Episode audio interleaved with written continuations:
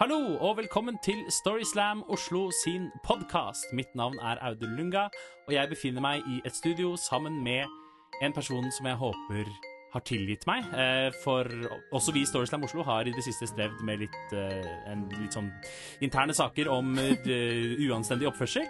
Men jeg tror, jeg tror vi er At det er liksom At vi er ferdig med den saken. Og er vi ikke det, Karoline Marie Enoksen? Jo da. Ja. Eller jeg husker jo ikke Nei. det.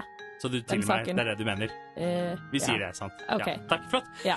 Uh, vi skal høre noen fortellinger som ble fortalt på uh, Story Slams Oslo sin Grand Slam 27.11.2017 Mhm. på Rockefeller. ja. Og første forteller er Borghild Otelie Åsebø Støl. Yes. Og Borghild er jo en slags publikumsfavoritt som Ja. har deltatt på, flere av våre d- arrangementer. Absolutt. Eh, og dette er andre gang hun kom til Grand Slam, altså finaleshowet. Ja. Og der også kom hun faktisk på andreplass. ja.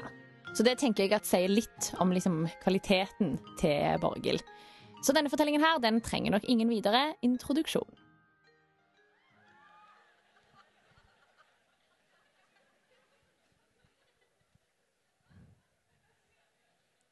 Det var en eh, varm nordnorsk junikveld. Ti grader og synkende. Kveldssola lå fint over Tandøya, og jeg var 13 år og akkurat blitt innkalt til familiemøte. Men bare tre av fire familiemedlemmer var blitt invitert. Den fjerde var blitt permittert, og allerede her ante jeg uråd. Hun mamma sitter foran meg med et sånn alvorlig blikk og, og hendene folda på kjøkkenbordet. Det er noe vi må fortelle deg, Borghild, sier hun. Men jeg er 13 år, så jeg vet alt, og jeg vet hva hun skal si.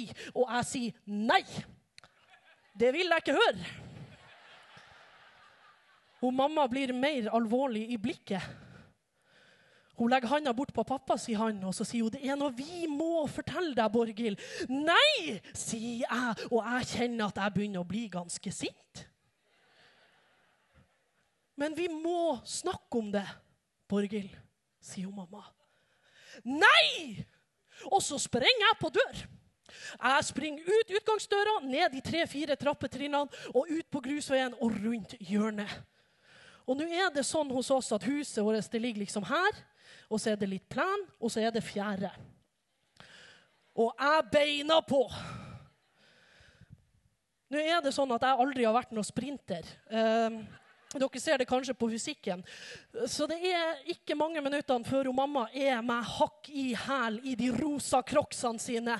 Og jeg springer, jeg springer, jeg springer alt jeg makter. Jeg springer til det ikke går an å springe noe mer. Det er en eh, fin nordnorsk junikveld. Det er ti grader og synkende. Midnattssola ligger fint over Tandøya. Og jeg står til livet i havet. Og mamma står tålmodig i fjærsteinene. Og det jeg ikke ville høre, det fikk jeg nå høre. Borghild, søstera di er alvorlig syk. Hun skal legges inn. Før denne dagen så hadde vi vært en helt vanlig familie. Fra ei helt vanlig bygd i Utkant-Norge. Og jeg og søstera mi hadde vært helt vanlige søsken som krangla og sloss med kniv, sånn som vanlige søsken gjør. Fordi at søstera mi hadde digga Lincoln Park, ja, da måtte jeg høre på Nickelback. Og fordi søstera mi elska Legolas, så fikk jeg Gimli, for sånn er reglene. Sånn er det når man har ei storesøster, og når man er ei lillesøster.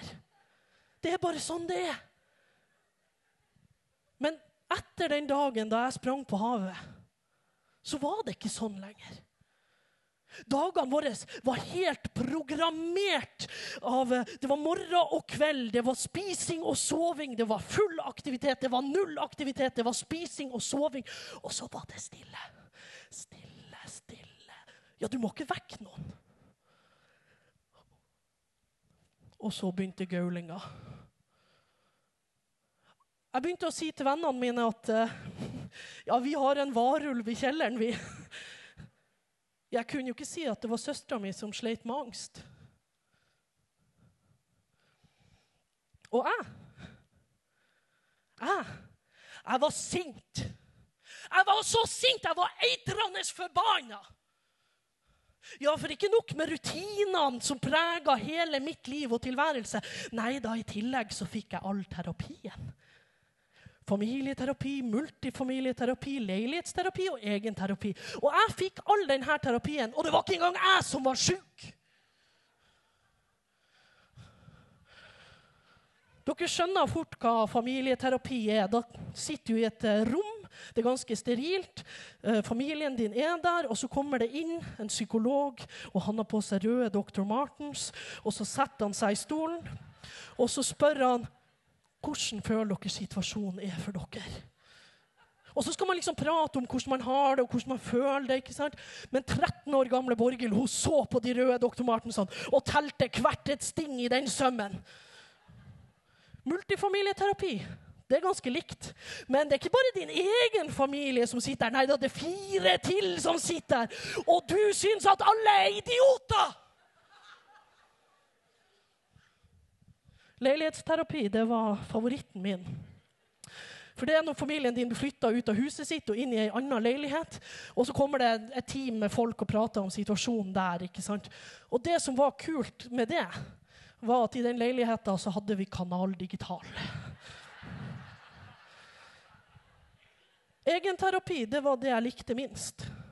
For da satt 13-14-15-16 år gamle Borghild time inn og time ut med en ung psykolog fra Bergen med pologenser og mørke briller. Og han lurte på om jeg ikke hadde noe å fortelle i dag. Jeg har ikke det, din kuk. Og jeg vet ikke hva det handler om for meg. Jeg kan ikke forklare hva 13-14-15-16 år gamle Borghild tenkte. Kanskje var det det at hvis vi ikke snakka om det, så, så, skjedde det heller ikke. Eller, eller kanskje var det det at, at hvis vi ikke snakka om det, så gikk det fortere over. Jeg vet ikke hva jeg tenkte da. Men det jeg vet nå, det er at jeg er 26 år, og nå vil jeg fortelle om det. Og dette er kanskje en historie som egentlig ikke har noe slutt. Men hvis jeg fikk begynne på nytt så ville jeg sagt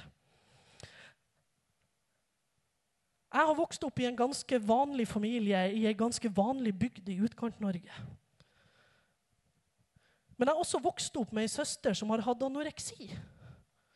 Og hvis noen lurer på hvordan det har vært, så er jeg helt åpen for spørsmål.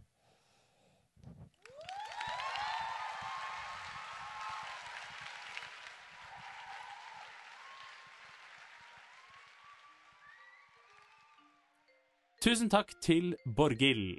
Mm. Og fra en eh, historie fra tenårene så skal vi nå helt tilbake til barndommen, faktisk. Ah, til Borghild? Nei, ikke til Borghild, til Tobias Bøksle. Ja, vi skal bli med Tobias på en skoledag. Ja, en skoledag litt utenom det vanlige. Nettopp.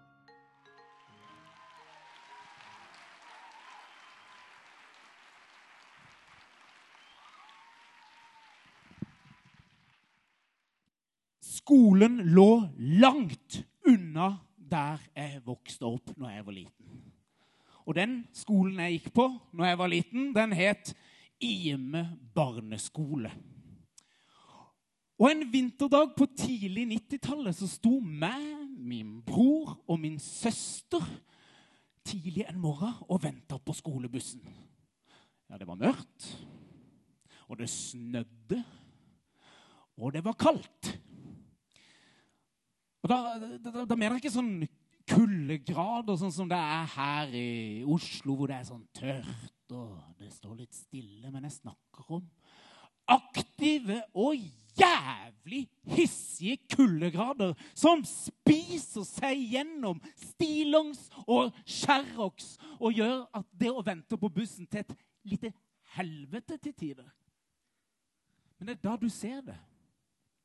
Lys over den ene åskammen. Og så både ser og hører du dette her.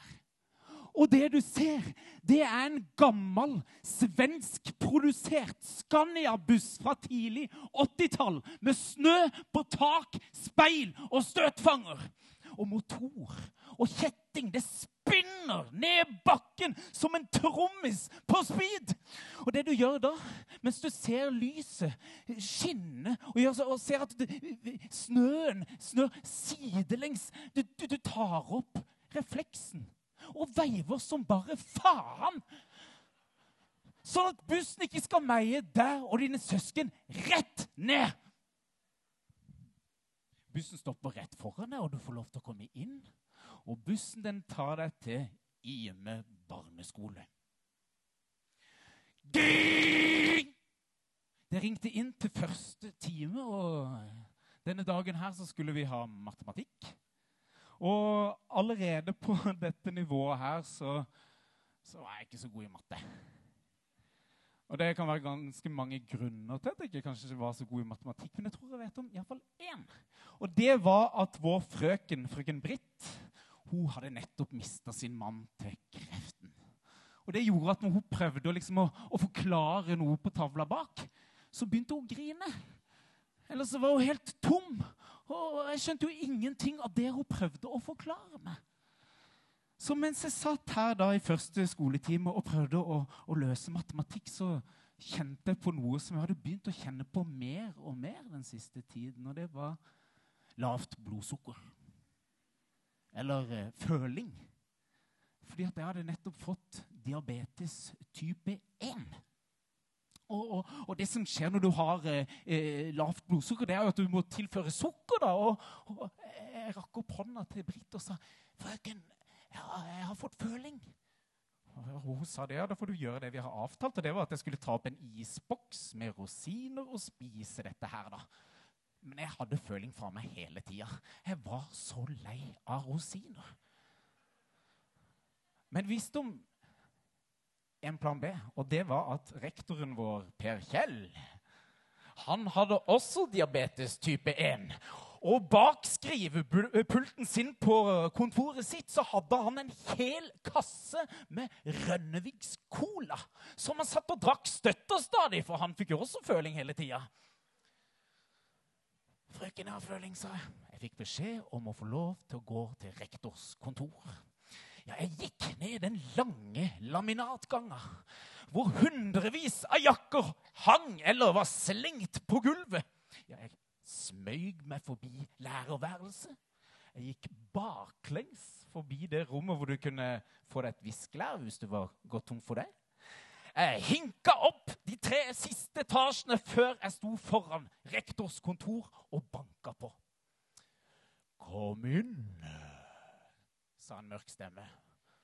Jeg åpna døra, og rullingsduften seiv mot meg.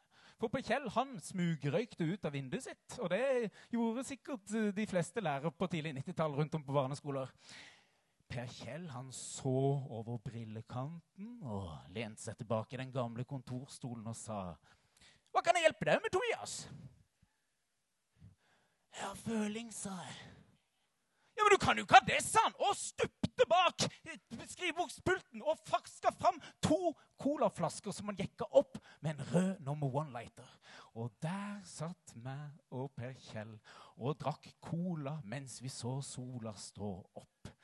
Det ringte ut til friminutt! Og når jeg var åtte år, det jeg elska å gjøre i friminutt, det var å sparke fotball. Den ballen skulle i mål uansett. Vinter som sommer, som vår som høst. Vi sparka ball. Vi lo, vi skreik, og vi banna. Faen i helvete! skreik vi når vi sparka ballen. Fitta til mor di! skreik jeg når jeg moste ballen over tverrlegeren og løp for å hente den. Men der sto Yngve med vorter på begge nevene og holdt tak i ballen og nekta å gi den fra seg. Yngve, gi meg ballen, sa jeg. Nei, sa Yngve.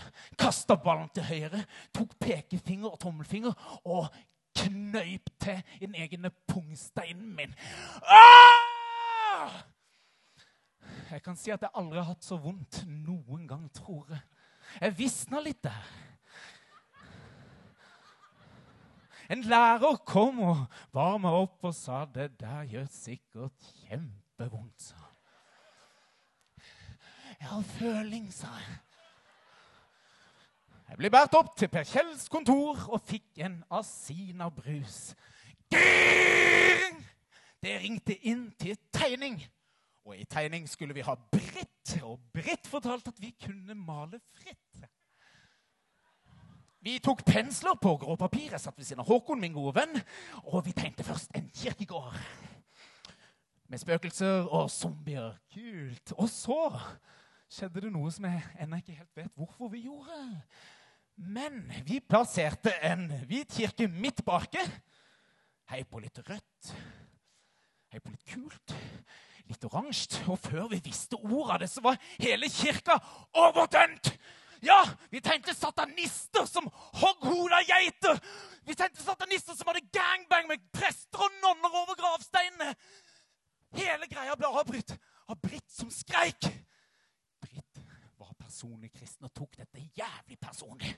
Hun tok tak i håret vårt, dro oss opp, skjelte oss ut, opp de tre etasjene, opp til Per Kjells kontor, heiv oss inn, fortalte hva vi hadde gjort, før hun lukka døra igjen, så hele Ime barneskole rista. Per Kjell sa dere kan ikke tegne kirkebranner, gutter. Det blir så mye styr av det. Han ba Håkon om å gå. Jeg fikk være, og han sa Tobias, du har hatt en tøff dag i dag. Ja, sa jeg. Jeg har føling, sa jeg. Og kikka opp på Per Kjell, som var lærer de årene jeg gikk på Ime barneskole.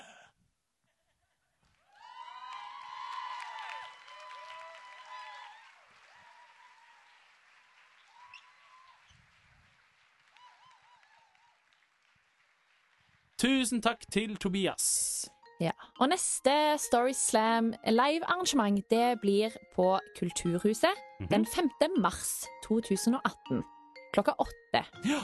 Mm. Men før den tid, eh, faktisk nå på lørdag, Ja. 10. februar, Mm. da eh, skal vi til Oslo Podfest yeah. 2018. Eh, på Vulkan Arena Stemmer. klokken fem. Klokka fem skal vi på Hvor vi skal altså spille inn en live episode av denne podkasten med live fortellere. Det blir kult! Ja, det blir kjempekult. Vi Og litt skummelt. Merker jeg nå. Ja, ikke sant? Vi Ja. er så vant til å stå i dette trygge studioet, Ja. men nå skal vi ut på en kjempefarlig scene. ja. I selskap av mange andre kjempegode podkaster som skal være med i løpet av den dagen. Så det er masse å få med seg, Ja. og vi får lov til å være med. Ja, det får vi! Eh, så må du selvfølgelig også følge oss på Facebook og Instagram og finne informasjon om alle arrangementene vi skal delta på og arrangere, eh, og workshopene vi har for folk som har lyst til å fortelle. Mm. Og du må også melde deg som forteller, du som sitter inne med en kjempegod fortelling som kommer til å gjøre seg fantastisk bra på scenen. Ja. Og den sender du til Post at storyslamoslo.no. som er en e-postadresse som vi begge to husker, men som jeg av en eller annen mystisk grunn alltid får Karoline til å si høyt. Mhm. Og imens du venter på å bli med på Storyslam og eh, få litt inspirasjon, så kan du jo følge denne podkasten, som kommer ut med ujevne mellomrom. Takk for nå. Takk for nå!